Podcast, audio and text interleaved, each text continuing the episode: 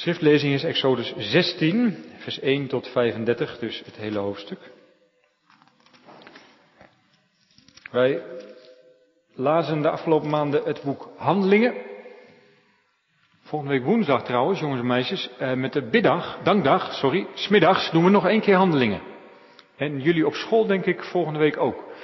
Maar goed, nu even Handelingen niet. En we beginnen bij Exodus, althans vorig jaar zijn we begonnen hebben we gehoord van het volk Israël, dat um, door de Heere God werd bevrijd. 400 jaar lang heeft het volk Israël, in Egypte gewoond. En het grootste deel van die 400 jaar zijn ze uitgebuit.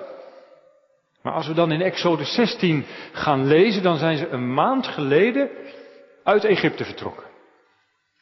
En dat was een groot wonder. Na tien rampen liet de farao hen gaan. Toen ze voor de Rode Zee stonden, spleet die zee in twee, zodat het complete volk over de bodem van de Rode Zee de vrijheid tegemoet ging. En ze hebben er toen de hand van God ingezien. Ze zijn niet alleen vertrokken, ze zijn bevrijd. Maar nu, handelingen 16 of Exodus 16, beginnen ze te protesteren. Nou, bedenk je dat even. Een maand geleden het is nu half oktober of eind oktober, dat was dus eind september. Heb je die plagen gezien in Egypte? Ben je met je vader en moeder door de bodem, over de bodem van de zee naar Engeland gelopen, zal ik maar zeggen? En nu is het een maand later. En dan gebeurt het volgende. Exodus 16. Daar lezen we Gods woord als volgt. Ze braken op uit Elim en heel de gemeenschap van de Israëlieten kwam in de woestijn Sin tussen Elim en Sinaï. Dat was op de vijftiende dag van de tweede maand nadat ze uit het land Egypte waren vertrokken. En heel de gemeenschap van de Israëlieten morde tegen Mozes en tegen Aaron in de woestijn. De Israëlieten zeiden tegen hen, Och waren we maar door de hand van de Heere gestorven in het land Egypte toen wij bij de vleespotten zaten en brood aten tot verzadiging toe. Want u hebt ons uitgeleid naar deze woestijn om heel deze gemeente van honger te laten sterven. Toen zei de Heere tegen Mozes, zie, ik zal voor u brood uit de hemel laten regenen. Het volk moet erop uitgaan en de per dag benodigde hoeveelheid verzamelen, zodat ik het op de proef kan stellen of het naar mijn wet handelt of niet. En op de zesde dag moet het zo zijn dat zij bereiden wat zij binnenbrengen en dat zal het dubbele zijn van wat ze dagelijks verzamelen. Toen zeiden Mozes en Aaron tegen al de Israëlieten, vanavond nog zult u weten dat de Heere u uit het land Egypte geleid heeft. En morgenochtend zult u de heerlijkheid van de Heere zien. Want hij heeft uw gemor tegen de Heere gehoord, want wie zijn wij dat u tegen ons mort? Verder zei Mozes, als de Heer u in de avond vlees te eten geeft en in de ochtend brood tot verzadiging toe, dan is dat omdat de Heer het gemor heeft gehoord waarmee u tegen hem mort. Want wie zijn wij? Uw gemor is niet tegen ons gericht, maar tegen de Heere.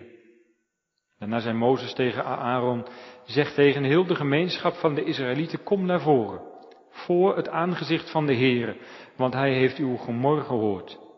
Terwijl Aaron tot heel de gemeenschap van de Israëlieten sprak en zij zich naar de woestijn keerde, gebeurde het dat, zie, de heerlijkheid van de Heere in de wolk verscheen. En de Heere sprak tot Mozes, ik heb het gemor van de Israëlieten gehoord, spreek tot hen en zeg, tegen het vallen van de avond zult u vlees eten en in de morgen zult u met brood verzadigd worden. Dan zult u erkennen dat ik de Heere uw God ben. En tegen de avond gebeurde het dat de kwartels kwamen aanvliegen die het kamp overdekten en in de ochtend was er een laag dauw rondom het kamp. Toen de laag dauw opgetrokken was, zie, over de woestijn lag iets fijns, Iets vlokkigs, fijn als de rijp op de aarde. Toen de Israëlieten dat zagen, zeiden ze tegen elkaar, wat is dat? Want ze wisten niet wat het was. Mozes zei tegen hen, dit is het brood dat de Heere u te eten gegeven heeft. Dit is het woord dat de Heere geboden heeft. Ieder moet ervan verzamelen naar wat hij eten kan, een gomer per hoofd naar het aantal van uw personen. Ieder moet het nemen voor hen die in zijn tent zijn. En zo deden de Israëlieten. Ze verzamelden, de een veel, de ander weinig. Ze maakten het met de gomer. Wie veel had verzameld, had niets over. En hem die weinig had verzameld, ontbrak niets. Ieder had zoveel verzameld als die eten kon. En Mozes zei tegen hen, niemand mag ervan overlaten tot de volgende morgen. Maar ze luisterden niet naar Mozes en sommige mannen lieten ervan over tot de volgende morgen. Toen zat het vol wormen en het stonk. Daarom was Mozes erg kwaad op hen. Zo verzamelden ze het elke morgen, ieder naar wat hij eten kon, want zodra de zon heet werd, smolt het weg. Op de zesde dag gebeurde het dat ze een dubbele hoeveelheid brood verzamelden, twee gomers voor één persoon. Al de leiders van de gemeenschap kwamen dat aan Mozes vertellen. En hij zei toen tegen hen, dat is het wat de Heer gesproken heeft. Morgen is het de rustdag, de heilige Sabbat voor de Heer. Wat u bakken wilt, bak het en kook wat u koken wilt. En laat alles wat er overblijft voor uzelf liggen, om het tot de volgende morgen te bewaren. Ze lieten het staan tot de volgende morgen, zoals Mozes geboden had, en nu stonk het niet en waren er geen maden in. Toen zei Mozes, eet dit vandaag, want vandaag is het de Sabbat voor de Heer. U zult het vandaag buiten niet vinden. Zes dagen moet u het verzamelen. Maar op de zevende dag is het, is het de Sabbat, dan zal het er niet zijn. Het gebeurde echter op de zevende dag dat sommigen van het volk erop uitgingen om brood te verzamelen, maar ze vonden niks.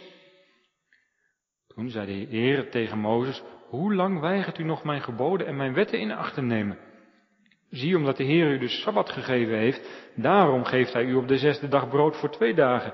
Ieder moet op zijn plaats blijven. Niemand mag er op de zevende dag vanuit zijn verblijfplaats op uitgaan.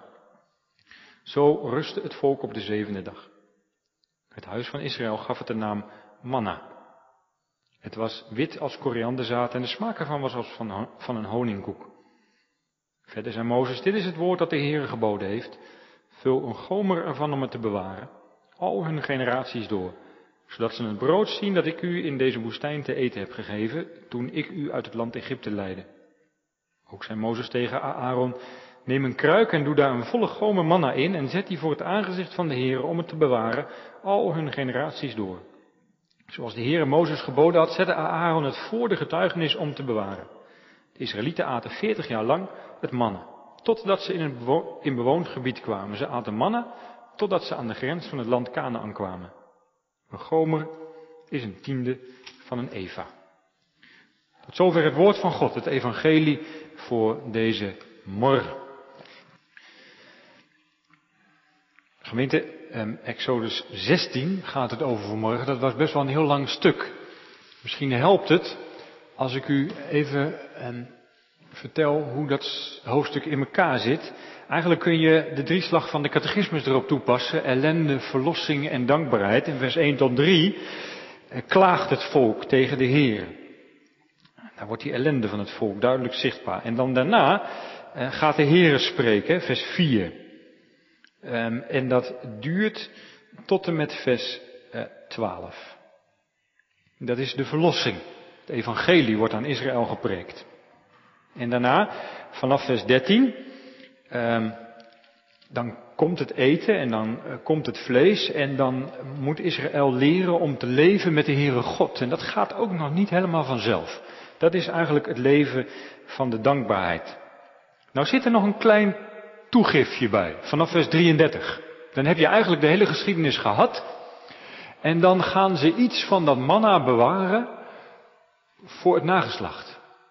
Nou, dat is eigenlijk um, het vierde stukje, vanaf vers 33 tot uh, vers 36. Um, ehm, vooruitblik naar hoe moet je nou terugkijken. En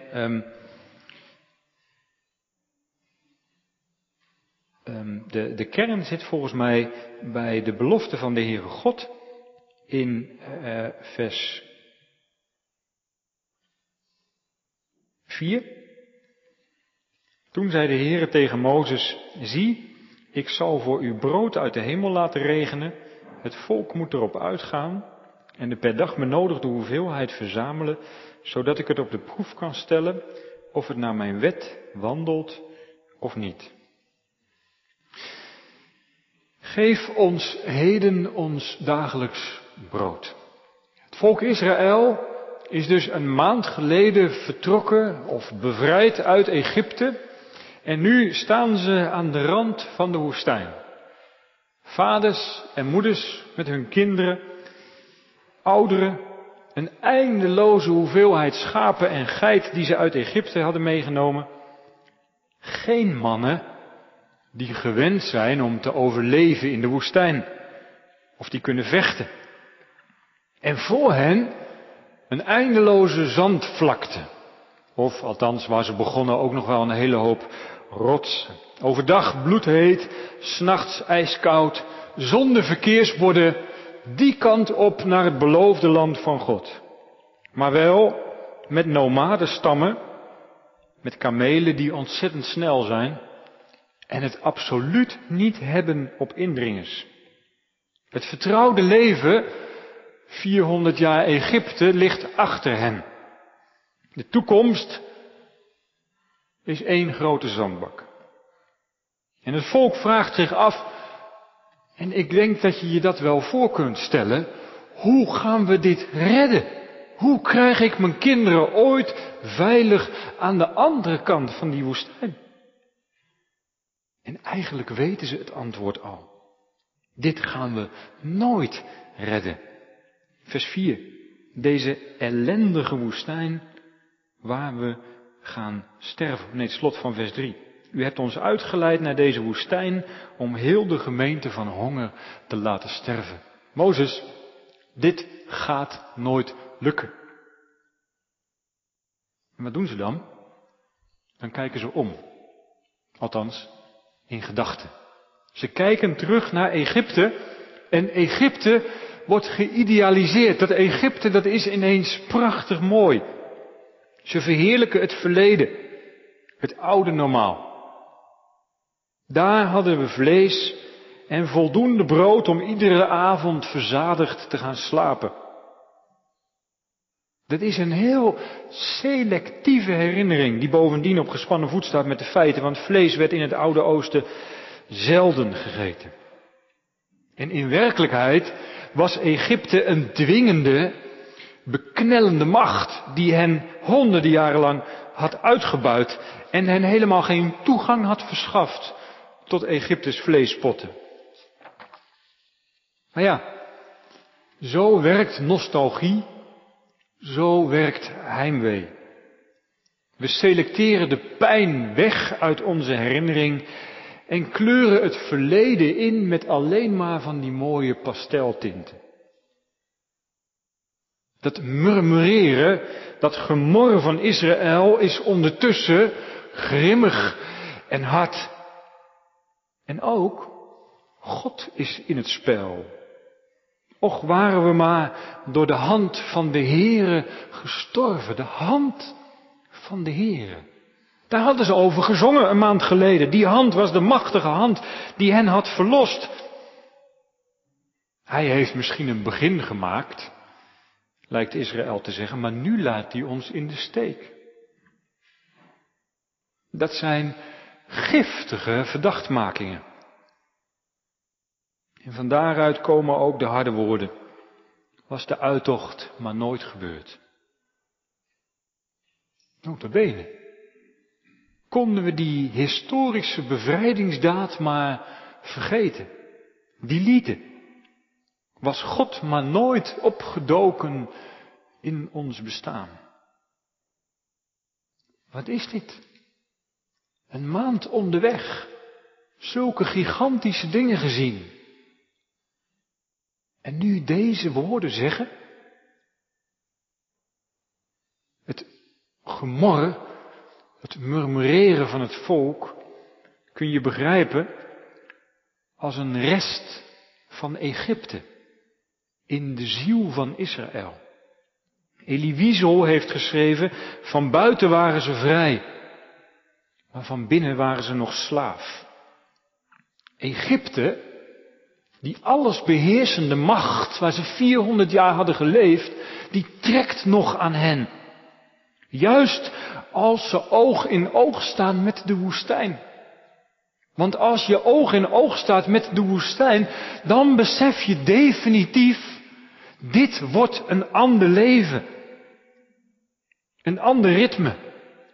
Een ander vertrouwen. Niet meer de zekerheid van s'morgens vroeg uit je bed, een dag keihard werken en s'avonds doodmoe op je bed neervallen. Een ander ritme. Een ander vertrouwen.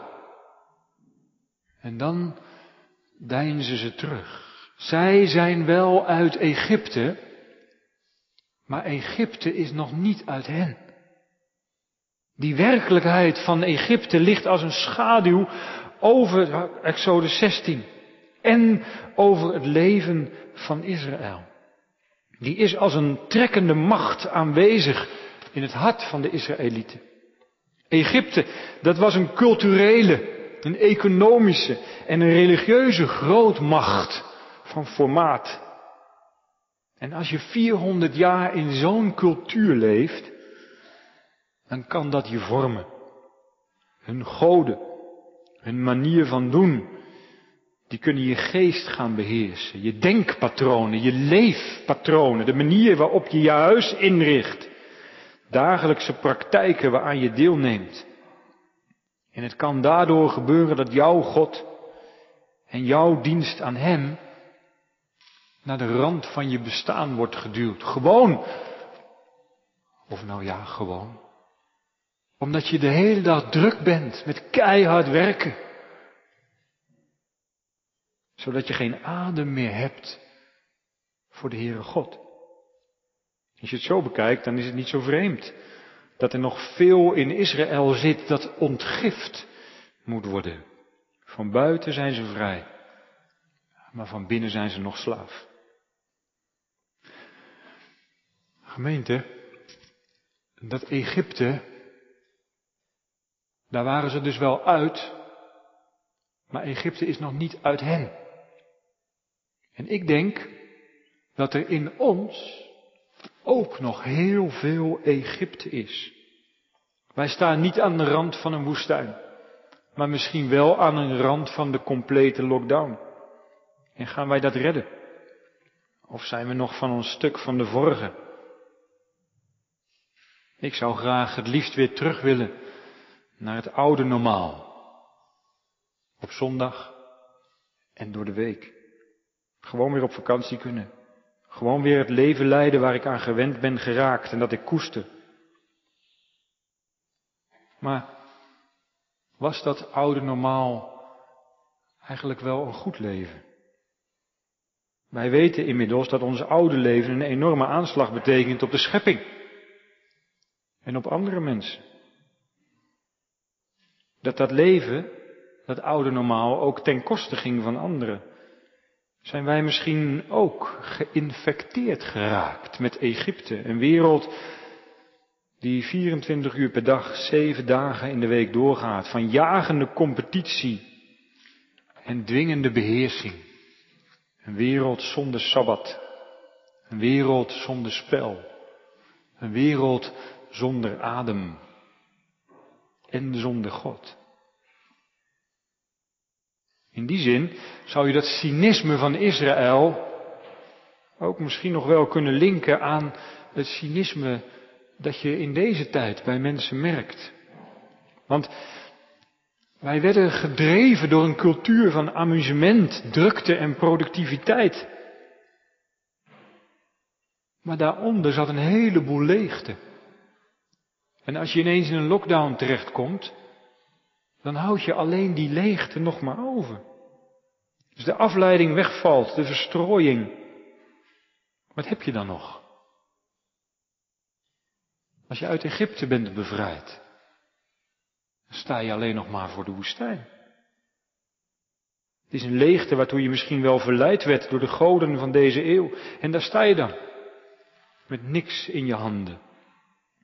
Gemeente, laten we die teksten niet vromer maken dan ze zijn. Het zijn harde teksten waar Israël los van God wil zijn. Egypte, daar waren ze liever dood gegaan. En laten we niet onderschatten hoeveel er op dit moment wordt geleden. Ook in deze stad. Van de maatregelen die genomen worden. Maar misschien nog wel veel meer in landen die het zoveel minder goed hebben dan wij. Er wordt veel geleden en vaak in stilte. Er is veel gemis aan God, aan zin, aan hoop. Die weerstand van Israël, die zit ook in ons. Dat murmureren, terug willen naar het oude, weerstand tegen God is het ten diepste. Tegen het verbond dat Hij met mensen wil. Tegen de verbondseisen, tegen dat nieuwe leven dat God met ons wil. het is verzet omdat je in de navolging van deze God je pas bewust wordt wat je voorheen dacht en deed. En wat nu niet meer kan. Pas wie de Heer Jezus lief krijgt, gaat ontdekken dat het oude leven anders was. En dat God van dat oude leven zegt, niet meer doen. Ik wil het niet. Ik veroordeel het. Het brengt je aan het kruis. Gemeente, het is Pasen geweest. En ook in de kerk rekenen we vanaf Pasen. Het is vanmorgen zondag. En we komen op zondag bij elkaar, omdat de Heer Jezus op zondag, op de paasdag is opgestaan. Christus is in onze leegte neergedaald. Hij heeft met de duivel gestreden en gewonnen. Hij heeft de zonde weggedragen. Christus is in ons leven gekomen. Toch? Gemeente? Hij heeft door zijn woord onze leegte opengebroken. En daarmee heeft hij ons leven gebroken, losgebroken van het oude normaal. En hij trekt met ons mee naar een ander leven.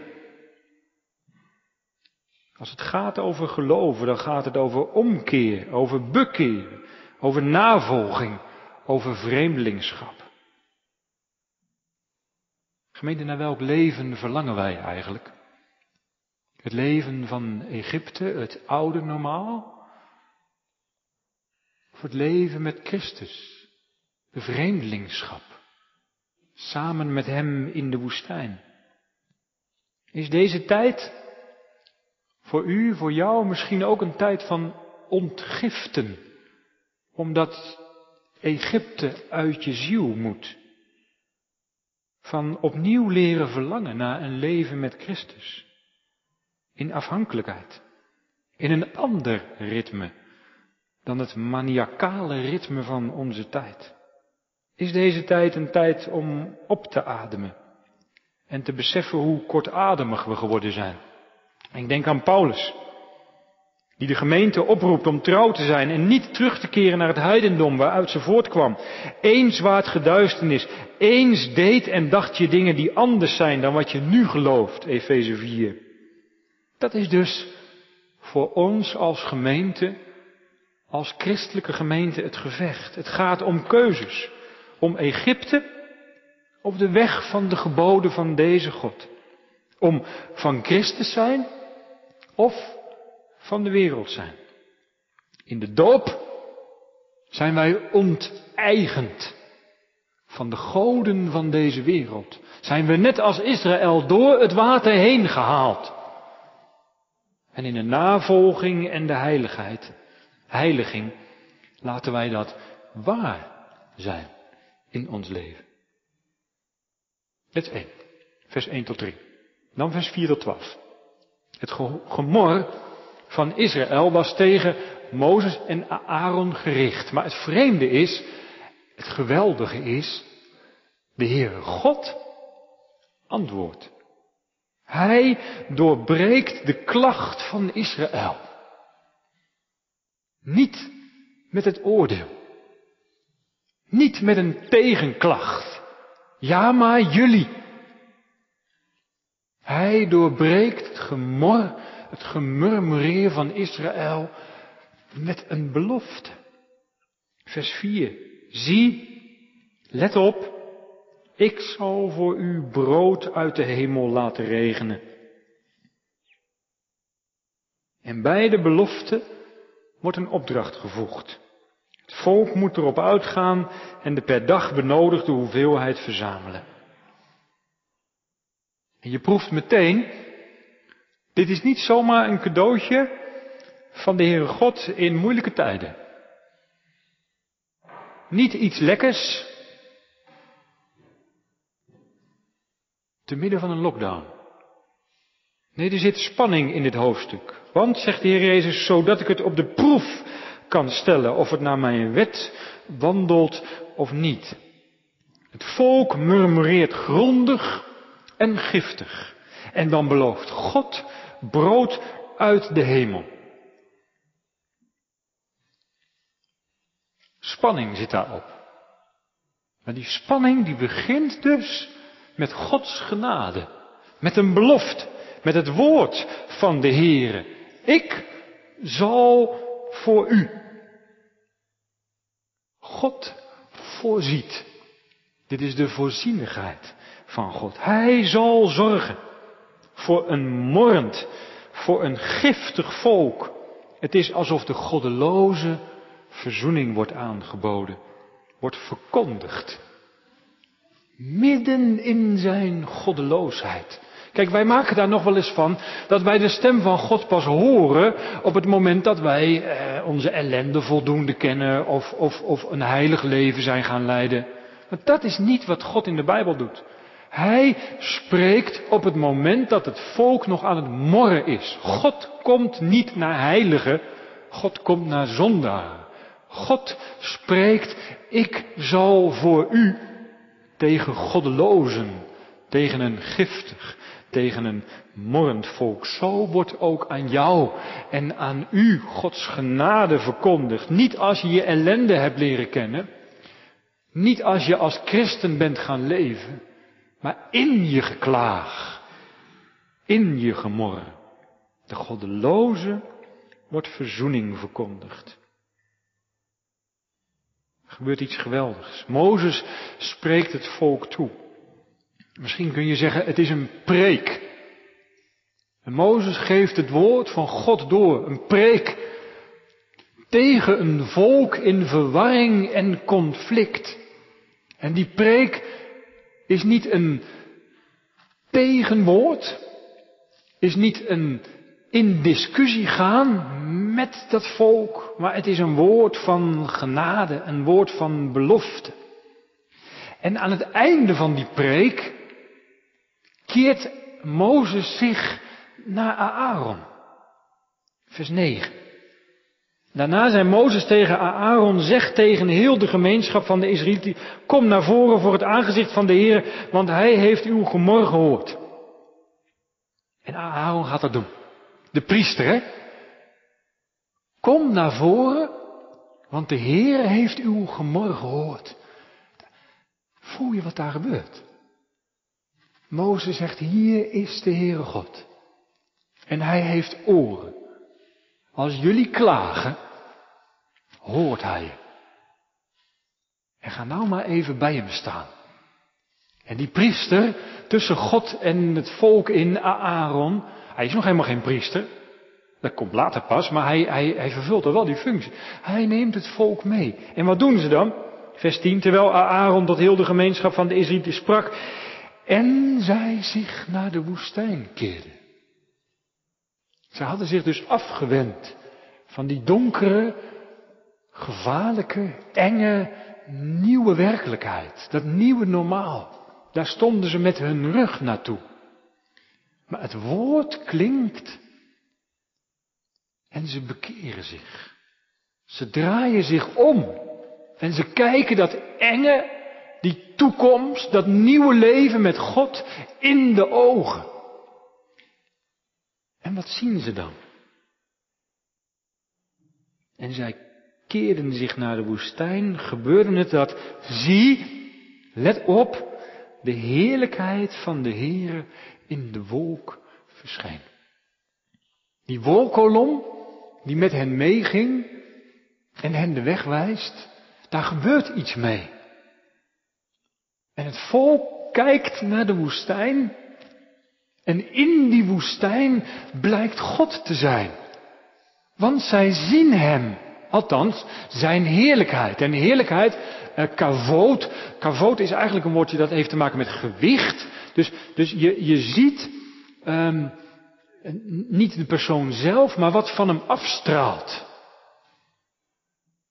Ik weet nog goed, toen ik een jaar of elf was of zo, toen kwam de koningin naar uh, Rotterdam. En toen deed ze dat altijd in die, uh, wat nu prinses Beatrix is. Even voor de kids, want die zijn van een andere generatie. die kwam met die blauwe bus. En dus wij stonden daar op die Erasmusbrug. Ik heb de hele koningin niet gezien, maar wel die bus. En de volgende dag op school vertelde ik ben bij de koningin geweest. Ik had het helemaal niet zien, want het was allemaal geblindeerd en zo. Maar, maar die bus, die, die straalde iets uit. Het was heel anders dan de RET-bussen die door Rotterdam reden. Nou, dat is natuurlijk maar een flauw voorbeeld, maar dat, dat, is wat in de Bijbel wordt bedoeld met de heerlijkheid van God. Dat je iets uh, ziet van de afglans van de heiligheid, de majesteit, de genade, de heerlijkheid van God. En dat gebeurt dus als dat volk zegt, je hoort het evangelie. Ik zal voor u. Zegt Mozes. Nee, zegt God. Maar Mozes preekt het. En, en ze horen die preek en Aaron zegt, kom, kijk nou nog eens een keer naar die toekomst. Die toekomst is een toekomst met God. En ze kijken. En, en door die preek, want dat is wat gebeurt. Doordat het woord van God present aanwezig is, zien zij, die toekomst is de toekomst met God. Wij zien in die zandbak Gods heerlijkheid. God woont daar. God is daar. En als wij dus naar die toekomst gaan, dan is dat een toekomst met God. Door de preek, door de preek wordt je beeld van de werkelijkheid anders. Wat eerst een zandbak was waar je kinderen alleen maar van honger zouden sterven, wordt een plek waar je opnieuw met God kunt leren leven. Preek. Mozes geeft het woord van God door. Ik zal voor u. En de priester, die zegt, kom. Kom nou eens bij God staan. Draai je eens om. En die werkelijkheid is ineens anders. Want je ziet de heerlijkheid van God. Je ziet God in je midden. Vanuit een houding van terugkijken naar Egypte, vanuit gemurmureer, draaien ze zich om en zien de woestijn onder ogen. De woestijn, de ongewisse toekomst waar je voor terugdeinst, daarin verschijnt de heerlijkheid van de Heer. Wanneer mensen zich omdraaien en door een preek de woestijn in een ander daglicht komt te staan. Dat doet de Heilige Geest ook vandaag. Ik zal voor u. Dat is het evangelie. Het evangelie van Jezus die storf, stierf aan het kruis. Ik voor u. Hij zorgt in leven en in sterven. En als je dat evangelie hoort, kun je dan nog een keer naar die nieuwe toekomst kijken. Naar het leven met Gods geboden. En Egypte eventjes achter je laten. Dat gejaag, dat gejakker, die carrière. En kijken naar die enge wereld. Is dat misschien geen enge wereld meer, maar een wereld waar de liefde van God door het onderpand van de Heilige Geest een toekomst wordt waar je vol vertrouwen naartoe kunt gaan. God is aanwezig in de preek. En de ene wordt zichtbaar in de wolk. De heerlijkheid van de Heere verschijnt in de woestijn. En die woestijn wordt ineens anders. Voor hun ogen wordt de woestijn anders. Als je bij God in de buurt bent, dan verandert de woestijn. De gemeente, dit is volgens mij de kern. En dat is wel belangrijk om te onthouden. Want hierna volgt het wonder. En wij zijn heel snel op zoek naar het wonder in ons leven. De stem van God, een tekst, iets wat gebeurt. Dat we het koninkrijk van God zien, dat de kerk ook echt anders is dan de wereld. En zo vaak valt dat allemaal tegen. En straks dan, dan komen die, die, die vogels en dan komt dat manna. Maar je kunt, je kunt voor die kwakkels en je kunt voor dat manna ook wel weer een verklaring verzinnen. Kijk, voor Israël was het een wonder dat die kwakkels er waren. Maar met de kennis van nu zeggen we ja, hè, kwakkels die gaan gewoon één keer per jaar van het zuiden naar het noorden. En die strijken doodmoe in de Sinaï neer. En die kunnen niet meer vliegen, dus die kun je inderdaad zo pakken. Wat toen een wonder was, had het Nivon ons gewoon kunnen voorspellen. En het is met dat manna precies zo. Er zijn nog steeds Bedouinenstammen die s'morgens schimmels van een plant wit op de grond verzamelen en daar brood van maken. Het is geen wonder. Maar de vraag is, wat is nou precies een wonder? Het wonder is dat God zegt, ik zal voor jou. Ik zal voor je zorgen. En dan wordt wat je misschien kunt verklaren, dat die kwakkels er toch wel waren tegen die tijd, dat dat manna er toch wel is in de woestijn. Wordt ineens de zorg van God voor je leven. Wij zien heel veel wonderen niet eens, omdat we Egypte nog in onze ziel hebben. En die toekomst niet ingaan, niet in durven en niet willen. Het is verrassend, zoals Gods geest zomaar opduikt in de nood, zoals God voor ons blijkt te zorgen in de woestijn. Hij wil dat wij een nieuw leven leiden met Hem. En dan het derde. Vers 13 tot 30. Ook na de transformatie, dus na het zien van de heerlijkheid van God in de woestijn, is het nog een lang gevecht om God te vertrouwen en God te gehoorzamen. Want de opdracht is om dagelijks manna te verzamelen, maar Israël verzamelt meer. Waar kennen we dat van, jongens en meisjes? Dat je gewoon je boodschappen kan doen, maar dat mensen meer verzamelen. Hebben we daar een woord voor? Of kun je dat zonder woorden doen? Hamsteren, hè? Nou, dat doet Israël ook. En wanneer ga je hamsteren? Als je niet zeker weet of de minister-president volgende week zegt dat we wel weer naar buiten moeten. Als we hem dus niet vertrouwen. Snap je het nou? De, daar stonden ze met de hele familie voor de woestijn en de vaders en moeders zeiden, ah, ah, Mozes, dit gaat niet lukken. Onze kinderen kunnen toch niet door de woestijn, dan gaan ze dood.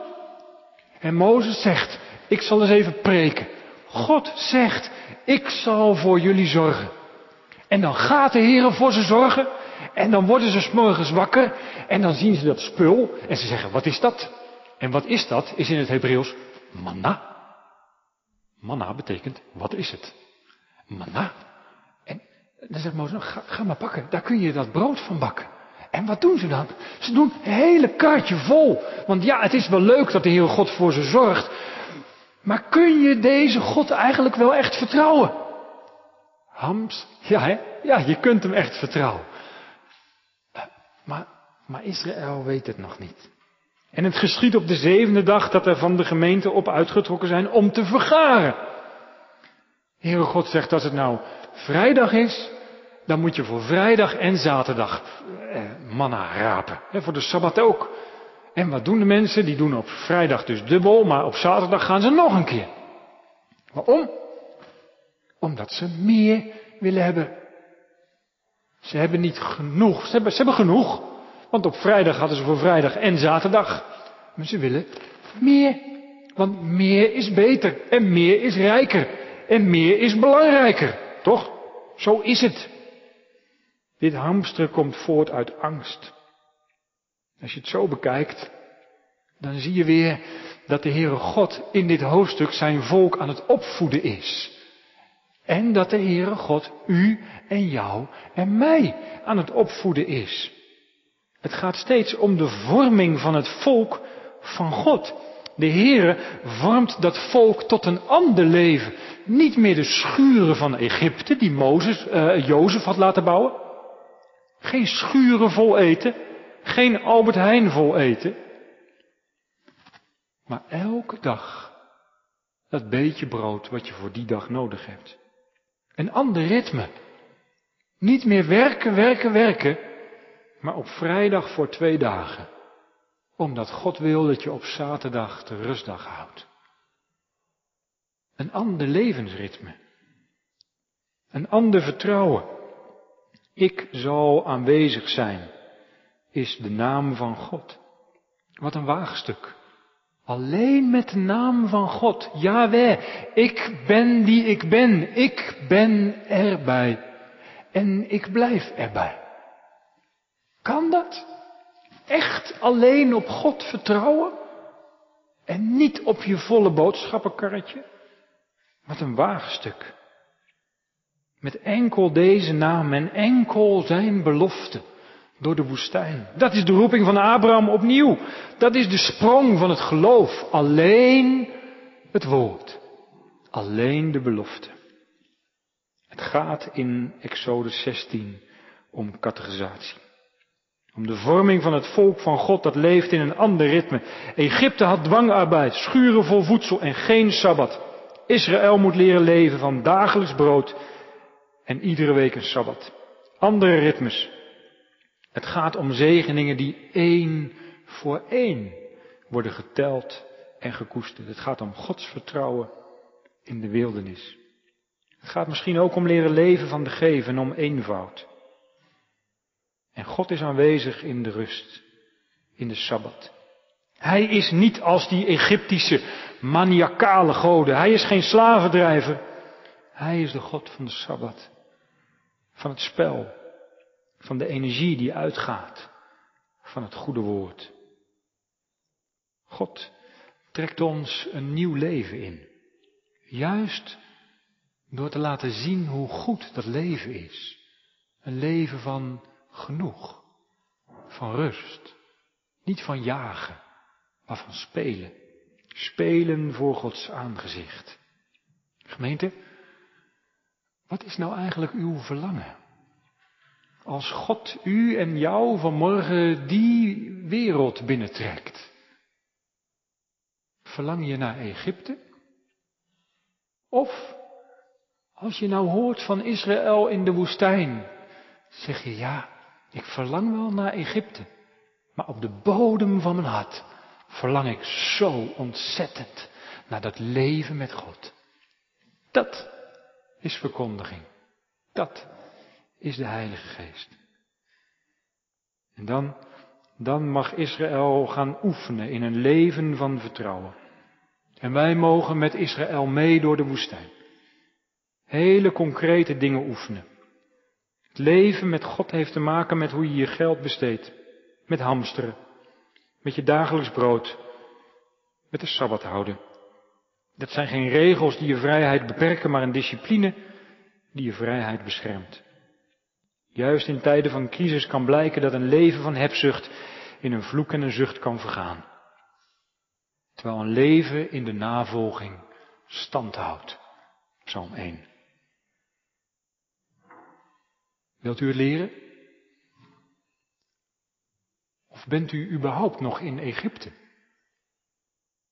Dat kan ook, hè? Egypte is een wereld zonder spel, zonder sabbat, zonder verwondering, zonder God. Een wereld die plat wordt gelegd door een virus. De veepest, een van de tien plagen, legt heel Egypte plat. Een systeem van voorspoed, van volle schuren, wordt stilgelegd door een virus. En Egypte gaat tot het uiterste om dat systeem gaande te houden. Ze gaan Israël achterna in het water. Gemeente, wie zegt dat wij zomaar aan de kant van Israël staan? Dat wij ons zouden mogen identificeren met Israël? Lijkt onze God en onze samenleving niet op de jagende farao? Vervuld als we zijn van onze eigen macht, van onze idealen. Wij kunnen een steunfonds optuigen van 540 miljard euro. Was het dan de afgelopen jaren echt niet mogelijk om een klein percentage daarvan beschikbaar te stellen voor al die mensen die aan onze deur klopten? Voor basale leefomstandigheden? Mensen die kwamen uit de woestijn en vroegen om bed, bad en brood? Gemeente, welk systeem wordt er nou eigenlijk voor onze ogen ontregeld en aan welke kant staan wij? Het evangelie wil in ons hart het verlangen naar het leven van de navolging met Jezus wakker maken. En dan wordt er gebroken met Egypte. Tot slot. Vers 31 tot 36. Manna moet worden bewaard. Eén pot. Juist in tijden van crisis en quarantaine kunnen we als kerk, kunnen we als gemeente, kunnen we als familie verhalen herinneren van hoe God ons in het verleden heeft vastgehouden en uitgeleid. En die verhalen kunnen verteld worden aan een nieuwe generatie, die voor het eerst wordt geconfronteerd met een woestijn, waar ze de weg niet weten. Het is schitterend. Als een oudere generatie, ook in onze gemeente. niet murmureert, niet het oude leven idealiseert, want dat is meestal een selectieve herinnering, maar als onze senioren getuigen van momenten waarop God in hun leven de levende bleek. Wij trekken door de woestijn, persoonlijk en als gemeente. Wij mogen leven van het woord van God, want Hij roept in ons het verlangen naar Zijn nieuwe wereld wakker. En laten we dan aan elkaar die pot met manna tevoorschijn halen en vertellen hoe God in ons leven heeft gewerkt. Dat hebben we nodig, als jongeren en als ouderen, om Gods nieuwe toekomst tegemoet te gaan. Amen.